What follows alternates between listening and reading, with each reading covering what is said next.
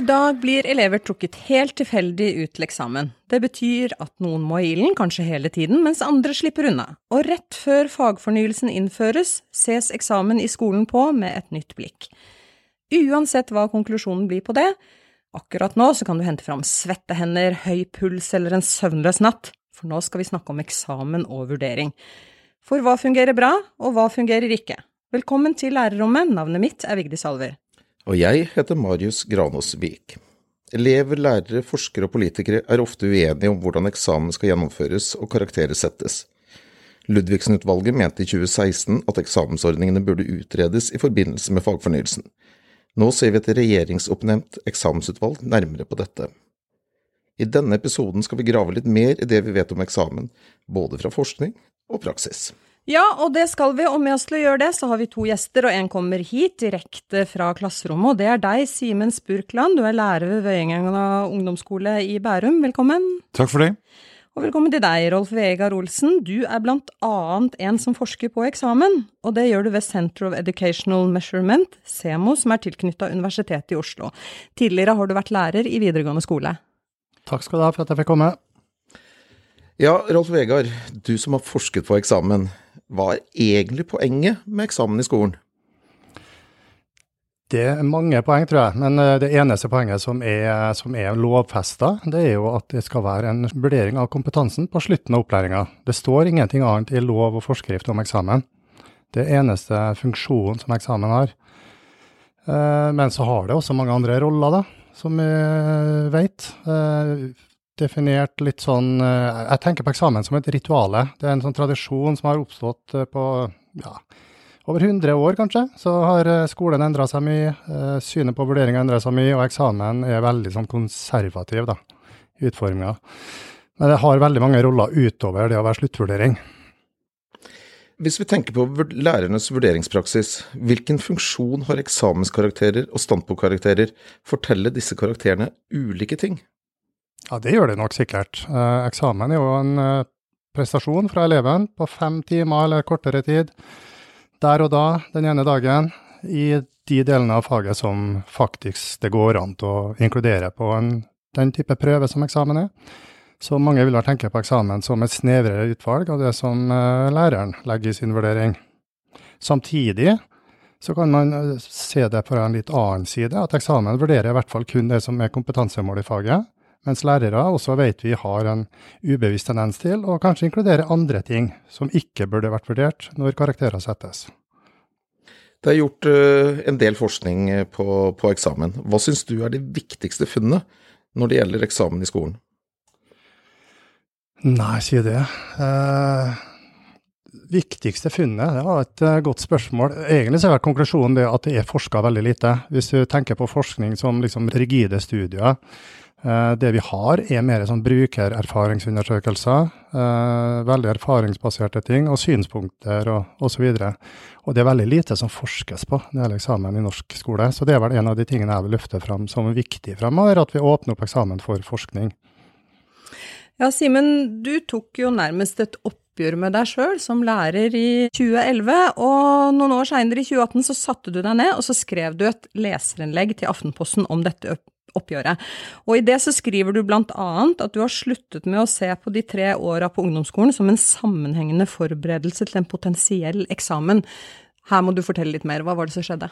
Nei, altså det, det har jo både 2011 og 2018 som skjedde, men så hvis vi tar 2018 først, så var det vel noe med en erkjennelse av at eh, det å ha eksamen som eneste premiss Nå sier jeg ikke at det er folk nødvendigvis har det, men at det, det å la det være hovedpremissleverandøren for hvordan jeg skulle drive undervisning, det opplevde jeg, eller skjønte jeg vel da i løpet av fra 2011 frem til da hvor snevert ble. Eh, at eh, etter å ha da blitt kjent med ulike sånn eh, forskningsrammeverk eller resultat på hvordan matematikk skal fungere, så var det sånn at matematikk er veldig veldig mye mer enn eksamen. Så det ble sånn, skal ikke jeg gjøre mer enn å forberede dem til eksamen? For det var det jeg trodde jeg skulle gjøre. Så i 2011 så, så begynte jeg på den prosessen som førte til at jeg har sluttet å forberede elever til eksamen som eneste ting jeg gjør. Eh, og prøver å se på mye mer helhetlig kompetanse. Eh, ofte beskrevet gjennom liksom, f.eks. åtte matematiske kompetanser som, som, man gjerne finner hos Mogens Niss f.eks. Som, som, som sier noe om at det er mye mer komplekst enn det å skulle sitte stille i fem timer og prøve å huske så godt man kunne hva man har gjort de siste ti årene. Så det ville jeg bort fra. Uh, og så syns jeg jo det som, som sies her fra Rolf, at liksom det, den rituelle biten den, Jeg har jo et snev av sans for det rituelle i det. Jeg kan være med på liksom at, den, uh, at, liksom at, at, det kan ha sin, sin verdi, men, men som, som, liksom mål for undervisningen så kjente jeg at det var jeg ganske grunnleggende uenig i. Og så startet kanskje en prosess for deg eh, som er mattelærer, og i 2018 så skrev du dette innlegget da, hvor mm. du skriver bl.a. at du ble til en lærer som forsøker å dyrke undringen i faget, unngår å forsterke fordommene mot faget, mm. og ikke tror på den skriftlige prøvens effektivitet som beste løsning. Vi går ut ifra at du fortsatt har det slik, men tror du at det er mange lærere som har det på samme måte som du hadde før dette oppgjøret? Ja, det, det, tror jeg absolutt, men da blir det jo hva jeg tror, og så ikke nødvendigvis så mye hva jeg vet. Og så er det interessant nå, som det blir sagt her fra Rolf, at det, det er kanskje ikke forska så mye på, på, på hvilken, altså hvordan eksamen påvirker de undervisningsfagene som gjøres. Jeg tror at, at mange føler at eksamen kanskje får en større rolle enn det bør ha. Eh, gitt hva det er vi forsøker å få til i klasserommet, og spesielt i lys av fagfornyelsen, hvor det skal bli mindre altså Vi skal få redusert noe av kompetansemålene, og ikke minst kompetansebegrepet, som jo er ganske komplekst. Det, altså det, det nye kompetansebegrepet fra overordnet del er jo mye større enn det en femtingseksamen kan avdekke, men det kan være med på å nyansere bildet på hva en elev har vist gjennom tre år, som er mitt tilfelle når jeg har det gjennom ungdomsskolen. Kan ikke du fortelle litt mer fra, fra det du gjør i, i, klasserommet, fra praksisen din, for du må jo fortsatt forholde deg til eksamen? Jeg må forholde meg til eksamen, men det gjør jeg når eksamen kommer. Så, så jeg har for eksempel Jeg har aldri praktisert eh, tentamen gjennom tre år, f.eks. Altså fra min første jobb så var det ikke tentamen, vi gjorde ikke det. Så, så det der å ha tentamen i åttende klasse for å øve på eksamen i tiende klasse, det har jeg aldri bedrevet. Og det var min første oppdragelse da jeg var nyutdannet lærer for, uh, for 19 år siden, snart 20 år siden. Det, altså de, det, jeg forsøker å gjøre i klasserommet, er å utfordre elevene, stille elevene spørsmål eller utfordringer uh, som gjør at de blir nysgjerrige, eventuelt en eller annen form for engasjert i det spørsmålet jeg stiller og så ikke tilby løsninger på det problemet de har blitt nysgjerrig på. Og så er jeg en aktiv eh, deltaker i deres faglige prosess fram til hva de måtte finne som kan være forslag til svar, og prøver å godta og anerkjenne alle veiene som fører fram til noe som virker klokt. For du jo, eh, beskrev jo eksamen som elefanten i rommet, er det ikke det lenger? Jo, det vil jeg absolutt si. Hva, hva altså, legger du i det? Nei, jeg mener at vi, du, Fagfornyelsen tror jeg fort kommer til kort hvis ikke vi også tar en titt på vurderings, uh, vurderingspraksisen og vurderingsparadigmet. Sånn at hvis eksamen fortsatt skal være den, det vi sikter fram mot, så blir det veldig fort at man gjør mye av det samme, men at det bare er i læreplanen av 2020 i stedet for læreplanen av 2006.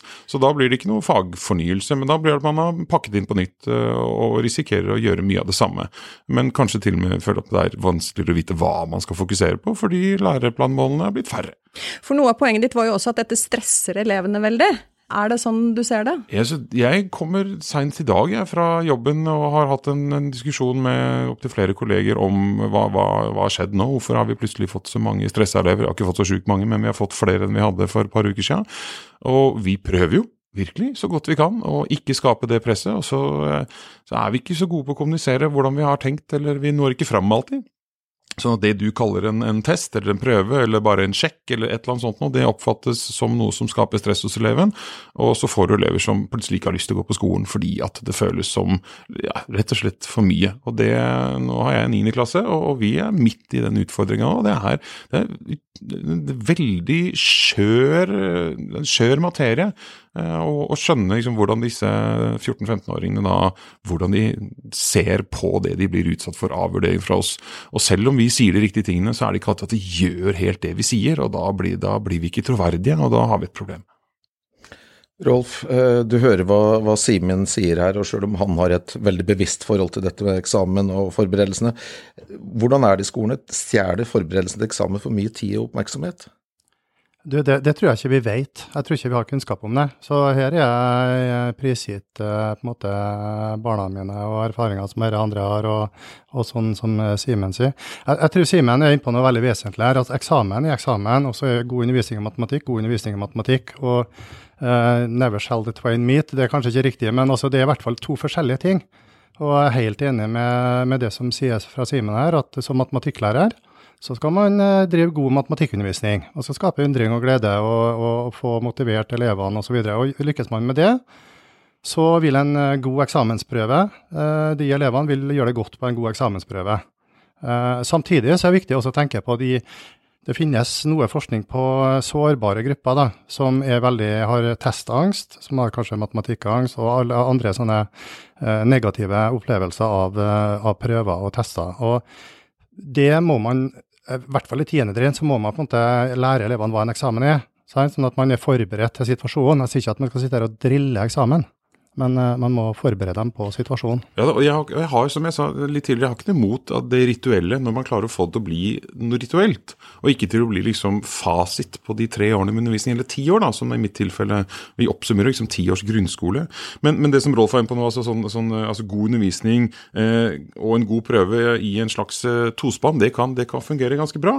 Eh, og noe av det som gjorde at jeg gjorde min endring i 2011, det handlet om at jeg plutselig fikk innsikt i forskning på matematikkdidaktikken, som før før var ukjent for meg. Og, og hvor da forskning på eh, det å ha endret undervisningspraksis medførte at elevene både gjorde det bedre på da en undrende tilnærming, og samtidig så mestret de det like bra på da de mer klasse, altså Da var det nasjonale prøver, ikke i Norge dette her, men, men en ekvivalent til nasjonale, prøver, som gjorde at de, måte, det ble en vinn-vinn-situasjon. Så når, når, vi klarer å være på vårt beste rent sånn matematikkdidaktisk, og det gjelder sannsynligvis i flere fag, så, så vil man kunne få en situasjon hvor man både får elever som opplever som fag som relevant, som også mestrer eksamenssituasjonen bedre, fordi at, liksom, at man har klart å, å få dem til å utvikle både kompetanser og ferdigheter og kunnskaper som, som, eh, som er mer som gjelder flere steder enn bare på den femtimersprøven. Det er først nå i forbindelse med innføring av fagfornyelsen at eksamensordningen skal utredes nærmere. Hva kan grunnen til det være, Rolf? Nei, si det. Eh, det burde ha vært sett på eh, sikkert i flere omganger tidligere. Jeg tror nok det er fordi fagfornyelsen er, gir et nytt kompetansebegrep, og det utfordrer eksamen og vurdering generelt.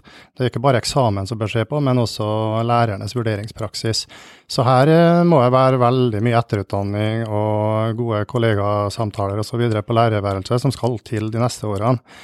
Eh, men samtidig så gir det oss muligheten til å stille noen spørsmål ved noe av det rituelle ved eksamen. Hvorfor har vi den trekkordninga vi har? Hva er begrunnelsen for det? Og Det er vanskelig å finne begrunnelse utover at elevene skal være eksamensforberedt i alle fag. Altså man har en tro på at riset bak speilet gjør at du skal være eksamensforberedt. Og at det er en logistisk umulighet, og at alle elevene har eksamen i alle fag. Sant? Så, så det, noen slags fordelingsmekanismer må du ha, men i mange andre land så har du faktisk at eleven selv kan velge hvilket fag eleven ønsker å ta eksamen, innenfor noen rammer. Sant? Kanskje må du ha et språkfag, kanskje må du ha et realfag. Det er én ting. En annen ting er hvorfor skal f.eks. alle elever ha norskeksamen i videregående opplæring, og, og sidemål? Altså, Hvorfor i all verden skal alle elever ha det? Det, altså, det er tusenvis av sånne spørsmål som er dårlig begrunna i, ja, i tekstene om eksamen. Her hadde du noen kommentarer, ja, Simen? Det, det, er to tanker jeg får. Eh, først så sitter jeg og nikker mye. Det er ikke så lett å se at jeg gjør det, men jeg sitter og nikker for jeg syns det er både interessant og jeg er ganske enig. Eh, og Det ene er sånn eh, Det derre riset bak speilet. For det, Hvis jeg ser på tidligere vurderingspraksis, så, så hadde jeg jo tendens til å på en måte true med vurdering for å få engasjerte elever. Ikke sant? Så, så hvor det var sånn Får vi karakter? Ja, for, fordi at da svarte jeg ja på det. Fordi at det gjorde at de skjerpa seg. Jeg, det, jeg har ikke lyst til å være den læreren. Jeg har ikke lyst til å drive en vurderingspraksis hvor jeg må true med karakter for å skape engasjement. Eh, så da må jeg jo finne andre måter å et engasjement på, og det håper jeg at det finnes faglig løsning på. og Jeg mener at det er funnet, eh, funnet eksempler på at det absolutt finnes, eh, men det er hardt arbeid fordi man må kjempe mot elevens fordom mot hva som, er, eh, hva som blir anerkjent også. Eh, men det å skulle true med at du kanskje kan komme en vurdering, og derfor skal elevene skjerpe seg, det har jeg rett og slett ingen som helst tro på, men jeg er enig med Rolf at det kan nok hende at det er en slags sånn bakenforliggende årsak. Og Det andre som jeg, Rolf peker på, som, er, liksom, som oppleves som en sånn Er det ikke veldig enkelt å gjøre det? At man rett rett og slett kunne åpnet for en eller annen form for et rammeverk. Man kunne velge hvilke fag man ville sluttestes i, på en eller annen måte. og Det har jeg hørt andre som har nevnt som et eksempel. og Det, det ville vært et steg i en god retning. At liksom, du trenger ikke i alle eller akkurat de vanlige utvalgte fagene, men du selv kan velge hvor du mener at du har din styrke, f.eks. Mm. Men nå kan du bare snakke ut for deg selv, men du har jo kolleger. og du tenker, tenker, sånn, tenker du at lærere generelt sett er gode nok til å evaluere elever ut fra observasjoner i klasserommet, eller blir også lærere for opptatt av prøveresultatene? Jeg tror, uh, jeg tror jeg vet, men jeg ikke, det, det, kan jeg jo ikke si. Men, men det jeg har lest og, og liksom funnet ut gjennom å forholde meg til artikler og forskning og det jeg har snappet opp, så er vel svaret at vi er i altfor stor grad uh, vant til, opplært til, og uh, ender opp med å kjøre milepælsvurdering, altså fra skriftlig prøve til skriftlig prøve. Og så er det ikke nødvendigvis fordi vi ikke tror at det kan gjøres på andre måter, men fordi vi opplever at det er vanskelig å gjøre det på andre måter, for det er ekstremt krevende. Og så er det veldig fort slik at man kanskje opplever at man blir tatt for ikke å ha gjort jobben sin, hvis det ikke kan eh, dokumenteres på en eller annen form for skriftlig prøve at se her, han fikk jo 14 poeng av 20. Det er ikke rart at. Eh, og så kan man jo da diskutere hvor, hvor givende er de 14 av 20 poengene det måtte være. Min vurderingspraksis nå er i mye større grad i prosessen sammen med eleven, hvor jeg observerer og, og hører hva eleven får til, og så, så, må jeg gjøre en profesjonell vurdering der og da om jeg tror på det eleven viser. Og hvis jeg tror på det, vel, så kan jeg jo sette en vurdering der og da. Det er ikke så vanskelig vanskelig, men det krever ganske lang trening. Jeg har brukt en del år på å finne den tryggheten. Det skal jeg absolutt erkjenne. Nå er vi kanskje på det åttende året og jeg føler at jeg har en god trening på det. Og så er det hardt arbeid de øktene hvor jeg har den type vurdering, så er jeg jo utslitt etterpå, men jeg går også hjem uten en rettebunke. Og det er en, definitivt en vinn-vinn-situasjon for er det, meg. Er det slike tilbakemeldinger og vurderinger du mener at elever lærer best av? Jeg tror det definitivt er på topp tre av hva de lærer mest av. Er helt enig. De formative tilbakemeldingene er jo det man lærer av. Det er jo læringsaktivitet. Eh, summative vurdering har jo ikke det som sitt eh, hovedformål. Men, men, det jeg har lyst til å bare tilføre debatten litt, da, det er at eh, det er klart at eh, lærere observerer elevene og har et mye rikere bilde av hva elevene eh, gjør og uttrykker og, og alt det der. Men samtidig så vet vi at det er subjektivt. sant? Det, det, vi er mennesker, og vi vurderer mennesker ut fra forskjellige ståsteder osv. Så, videre. så det ene. Eh, sånn at jeg tror nok at uh, eksamen har en sånn rolle i forhold til Jeg syns det burde hatt en sterkere rolle for læreren som en slags kalibreringsmekanisme. Ikke at du alltid skal ha samme karakter på eksamen og standpunkt, de måler litt forskjellige ting. Men hvis man som lærer f.eks. over tid gir to karakterer bedre enn elevene får på eksamen, så må man reflektere over det. Det er en sånn rolle eksamen kan ha. Og så er en ting til jeg ønsker å tilføre debatten. Det er at på ungdomstrinnet som Simen underviser, da, 90 eh, av karaktergrunnlaget er de karakterene som Simen og kollegaene setter. 10% kommer fra eksamen. Så det er jo sånn det er i Norge og har vært i 100 år, og sånn skal det fortsette å være. tenker jeg, At vi har stor tiltro til at lærerne som profesjon kan, kan det å vurdere elevene godt. Simen, nå har du nikket veldig igjen her. Nei, nå, Jeg har egentlig ristet på hodet. Jeg har nikket fordi jeg kjente at, jeg, at endelig var vi litt uenige. Jeg, eh, sånn ordentlig. Jeg, jeg, jeg, tror ikke på eh, Altså, jeg, er enig at det er en er utfordring fordi uh, den relasjonen man jobber med å bygge med eleven, gjør, vil farge vurderingen. Det er jeg enig i. Jeg er ikke nødvendigvis enig i at det er et problem. Eh, og så tenker jeg at noe av løsningen ligger jo i det som skal være føring for hvordan vi vurderer. Er, det er jo Utdanningsdirektoratet har fire prinsipper for underveisvurdering. Eh, elevene skal vite hva som kreves av dem, elevene skal få beskjed om hva de har mestret, de skal få beskjed om hvordan de skal bli bedre. Og så det siste og fjerde punktet som jeg tror at man kanskje ikke er flinke nok til å slippe ordentlig løs på, og det er elevenes egenvurdering og elevinvolveringen. Eh, når eh, min tilnærming til vurdering fungerer på sitt aller aller beste, så er det jo eleven selv som setter en karakter på hva de mener at de har fått til. Som jeg selvfølgelig må godkjenne og, og, og, og liksom skjønne at det ikke bare er, er tøys. Eh, men, men når, når, de prosessene har fungert som best, så har elevene en veldig god formening om hva de har lært, hva de har fått til, og hvordan de må jobbe videre. Og da, da blir det subjektive blir jo kanskje ekstremt, fordi det er subjektet sjøl eh, som er subjektiv mot seg selv. hvis det går an å si. Men, altså, men det er ikke noe at det Så vi må, vi må altså, Jeg mener at det som jeg har hørt presentert og lest fra vurderingsteorien, er at vi må ha, når vi gir ordentlig troverdig tillit til elevene sjøl, så klarer de det i mye større grad enn det vi tør å tro før vi gir dem den tilliten. Fordi at poenget med det hele er jo læringen. Og du har jo sagt også at overføringsverdien av eksamen er liten til det praktiske livet. Og hva har du ment med det? Kan du gi noen eksempler? Jeg, jeg, jeg, kjenner ikke så mange jobber som ligner på eksamenssituasjonen. Det er vel det er få jobber hvor du går inn på kontoret og åpner en ukjent oppgavebunk og gjør det i fem timer og går hjem, for å si det litt sånn ha-ha. Eh, hvorfor det, det, finnes da ingen jobber, moderne jobber hvor man ikke samarbeider absolutt hele tiden. Hvorfor kan vi ikke ha et samarbeidselement, f.eks.?